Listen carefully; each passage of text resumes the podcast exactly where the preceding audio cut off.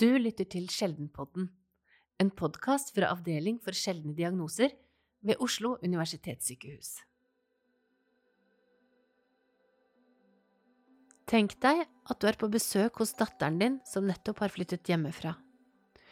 Hun er over 20 år, men har ikke sovet borte fra deg mange netter tidligere.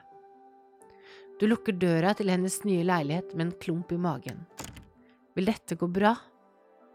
Det er alltid flere voksne til stede i boligen, men vil de vite hva de skal gjøre dersom hun får et anfall?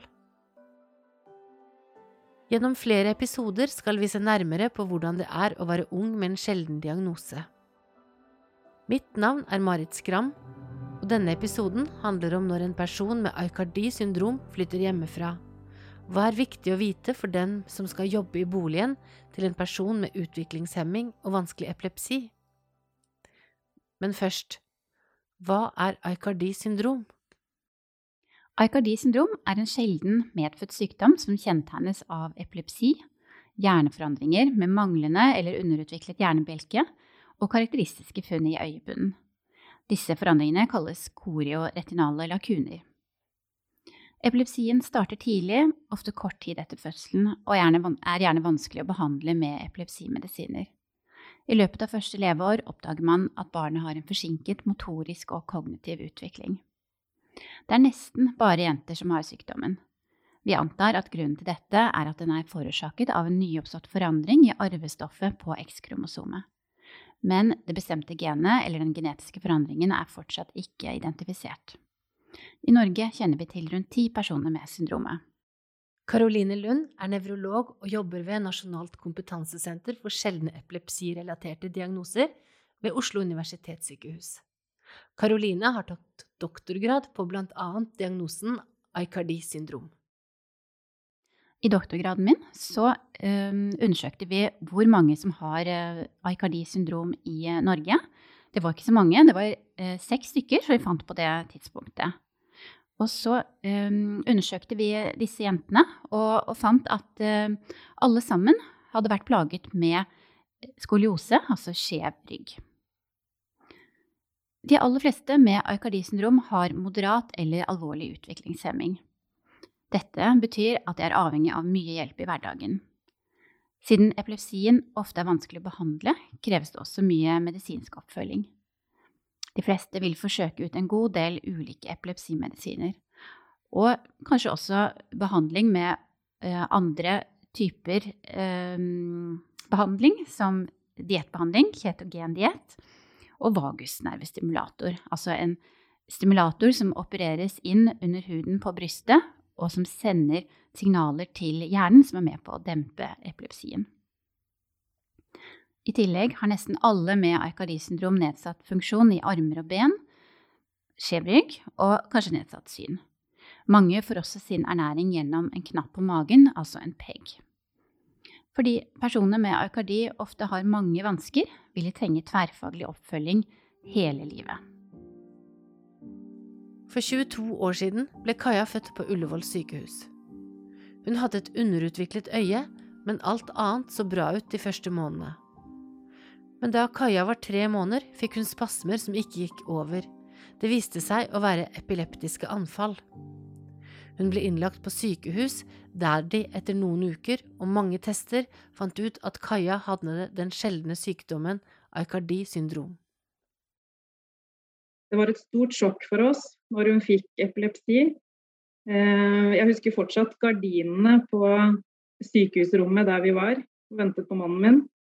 Eh, det var litt tilfeldig at hun fikk diagnosen så raskt, fordi det var en nevrolog innom som hadde vært på konferanse og hørt om Aicardi syndrom.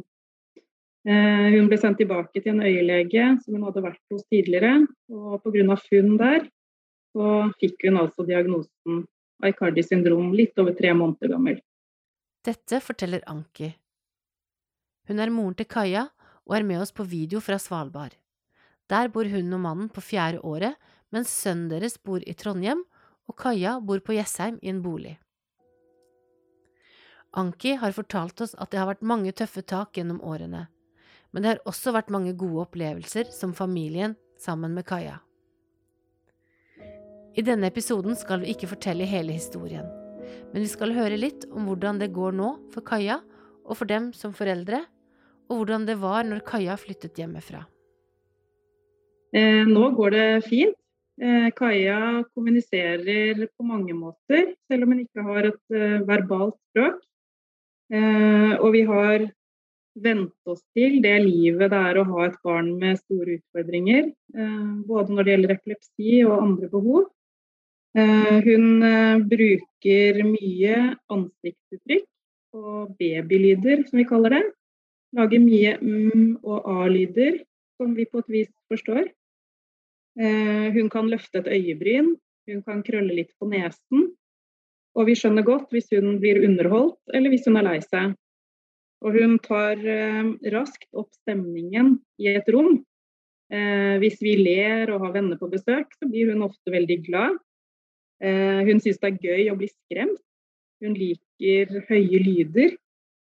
Eh, så hun tåler en del eh, hva skal jeg si, overraskelser, kanskje. Eh, vi har alltid hatt med oss Kaja på masse, så hun er vant til å bli tullet med. Ehm, og vi bestemte oss tidlig for at vi skulle ha et godt liv med Kaja, selv om hun hadde store utfordringer. Hva trenger Kaja hjelp til i hverdagen? Eh, jeg pleier ofte å si at Kaja er blitt eh, voksen i alder, men er fortsatt som en baby både fysisk og mentalt. Eh, med det så mener jeg at hun trenger egentlig hjelp til alt som en baby på tre måneder trenger hjelp til. Alt av personlig hygiene og stell, påkledning. Um, ja, og så er det alt det medisinske. Hun har jo mange ting som hun uh, trenger hjelp til der. Bl.a. har hun knapp i magen. Uh, hun er ryggoperert. Uh, og hun har jo alle epilepsianfallene. Um, det har vært vanskelig å se på det hun skulle gå gjennom. Eh, særlig fordi hun ikke kan fortelle oss hva som er problemet eller hva som er vondt. Eh, og jeg syns kanskje at epilepsien har vært verst, fordi det kommer så brått på. Du kan ha masse avtaler, og så må du legge om alt fordi det kommer et hardt anfall.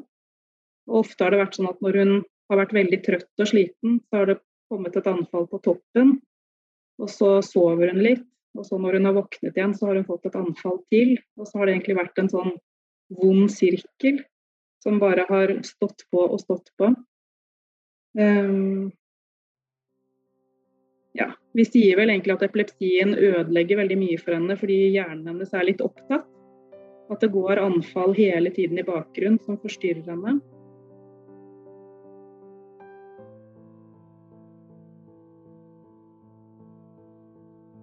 Foreldrene ønsket å ha Kaja hjemme så lenge som mulig, og bygget selv et hus som var tilpasset Kajas behov da hun var ni år.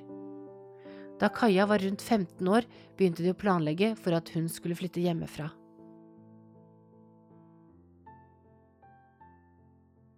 Det var egentlig en prosess som tok mange år. Eh, jeg sa ofte at jeg ikke ville at Kaja skulle flytte hjemmefra før etter videregående.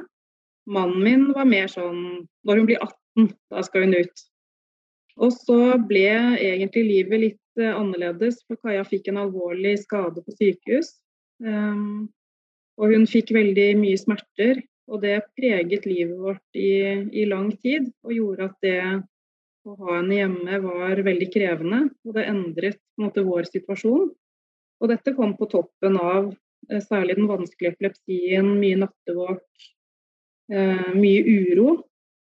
Um, og da ble det til at vi planla å flytte Kaja ut fra familiehjemmet og inn i bolig.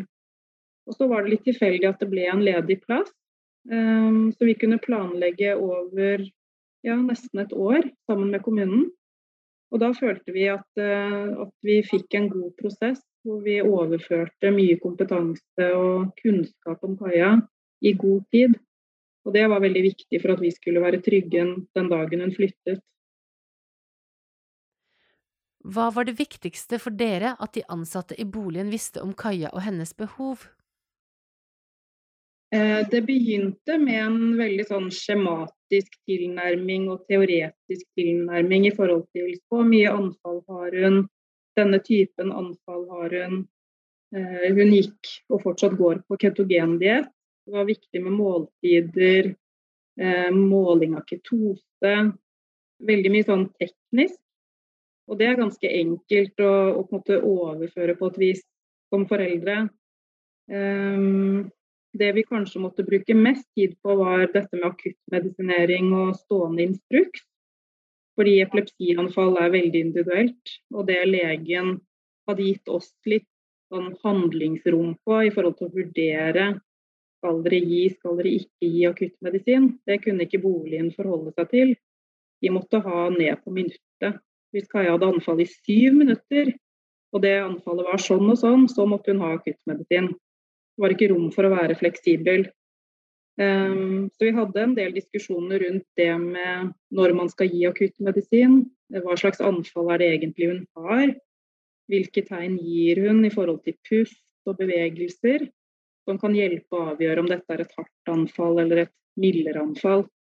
Um, så det brukte vi mye tid på, både i forkant og også etter hun hadde flyttet, når de selv fikk se disse anfallene. Det er mye å lære for dem som jobber i boligen til en person med utviklingshemming og vanskelig epilepsi. Men hva er viktig å vite? Det vet sykepleier Merete Champer mye om. Merete jobber på Nasjonalt kompetansesenter for sjeldne epilepsirelaterte diagnoser og Spesialsykehuset for epilepsi.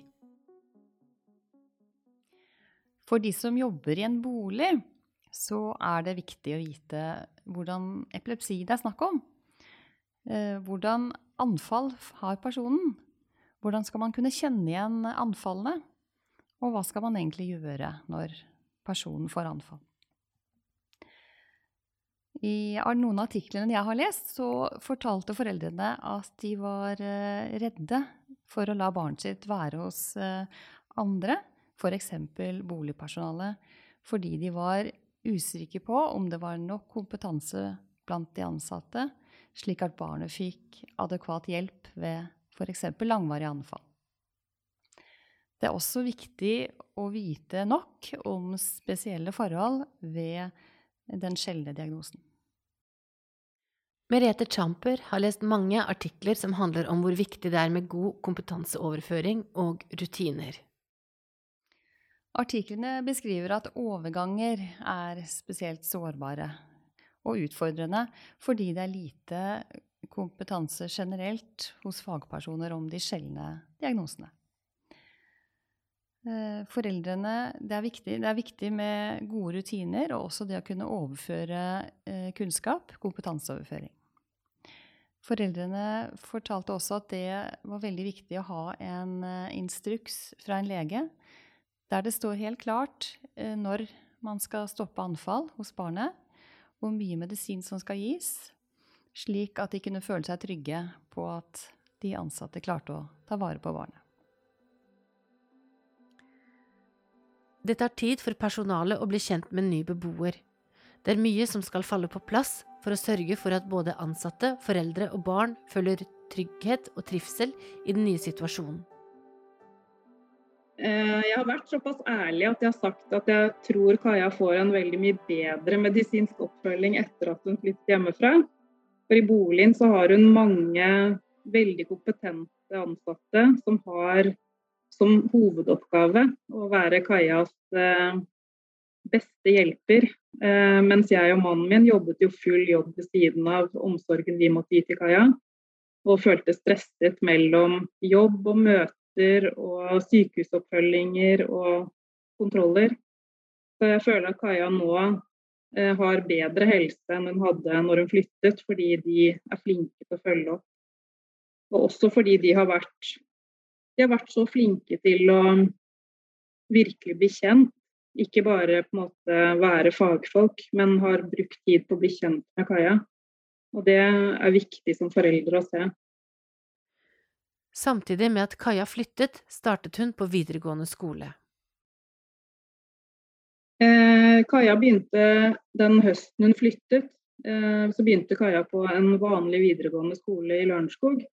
Som hadde en eh, spesiell avdeling for multifunksjonshemmede og utviklingshemmede. Så der var hun egentlig ganske skjermet, men likevel med holdt de normalt fungerende ungdommer rundt seg. Um, Og der også var det dedikerte fagfolk og, og ansatte som hadde et helt spesifikt ønske om å jobbe med den typen problemstillinger som Kaja og hennes medelever hadde. Og det ga veldig mye Ja, det ga god effekt både for oss foreldre og de som jobbet i boligen, tror jeg. Å ha gode diskusjoner rundt hvordan man så Kaja og tolket hennes behov. Um, så hun hadde heimkunnskap, hvor hun brukte brytertrening til å starte smoothiemaskin f.eks. Eh, hun hadde bading i varmt vann uh, og mye sånn god fellesskap med de andre så det var viktig, viktig, for oss også å se at hun hadde en god hverdag der, tross epilepsi og de andre utfordringene.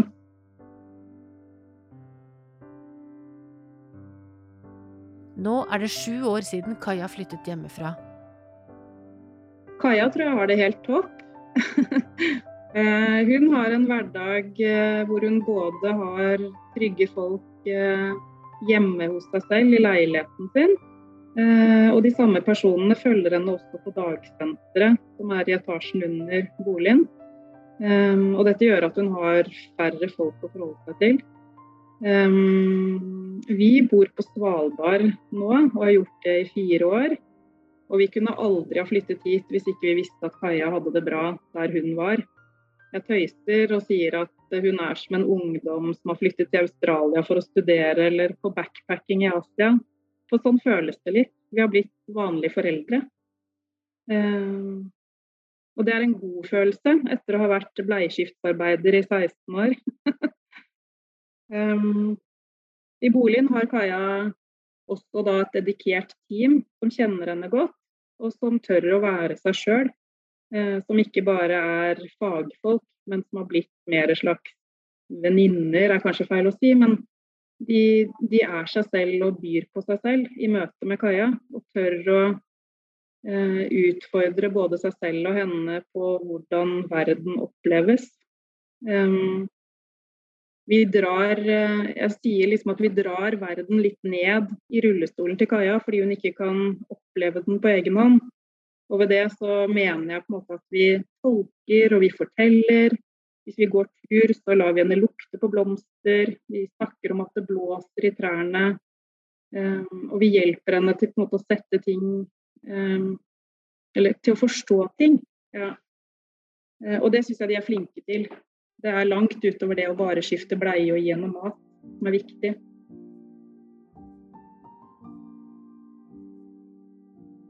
I denne temaserien undersøker vi hvordan det er å leve som ung med en sjelden diagnose svært få andre har. Vi samler også inn gode råd fra de som kjenner diagnosen best, til deg som skal yte medisinsk hjelp og behandling. I denne episoden har vi hørt om å flytte hjemmefra med utviklingshemming og en sjelden epilepsidiagnose. Vi spør Anki om hun har noen tips og råd til de som jobber i bolig. Ja, Det er vanskelig å si noe generelt. Eh, jeg kan jo mest prate ut fra min egen erfaring og hva vi syns har vært viktig. Men jeg tenker at man skal kanskje unngå å være veldig stolt som fagperson. Og tørre å gjøre seg litt sårbar i møte med både foreldre, foresatte og, og de som skal flytte inn. Um, at man er litt nysgjerrig på hvordan uh, hverdagen deres har vært hjemme før. Eh, og hva de er vant til å oppleve og ha rundt seg eh, i hverdagen. Eh, kanskje også være litt fleksibel og tørre å tenke litt utafor boksen. Og som jeg sier, at Kaja blir tatt med på skrekkfilm. hun har vært vant til å være på telttur og sove i sovepose. Hvordan kan man på en måte gi sånne type opplevelser eller lignende opplevelser også etter at man har flyttet inn i bolig. Jeg tenker Det gir kvalitet både for den som flytter inn, og ikke spesielt for de som sitter igjen som foresatte og foreldre, som savner barna sine. Ja.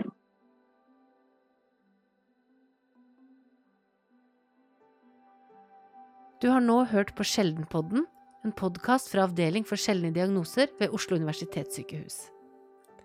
Denne episoden er produsert av Silje Systad Kristin Rosnes Holte og meg, som heter Marit Skram.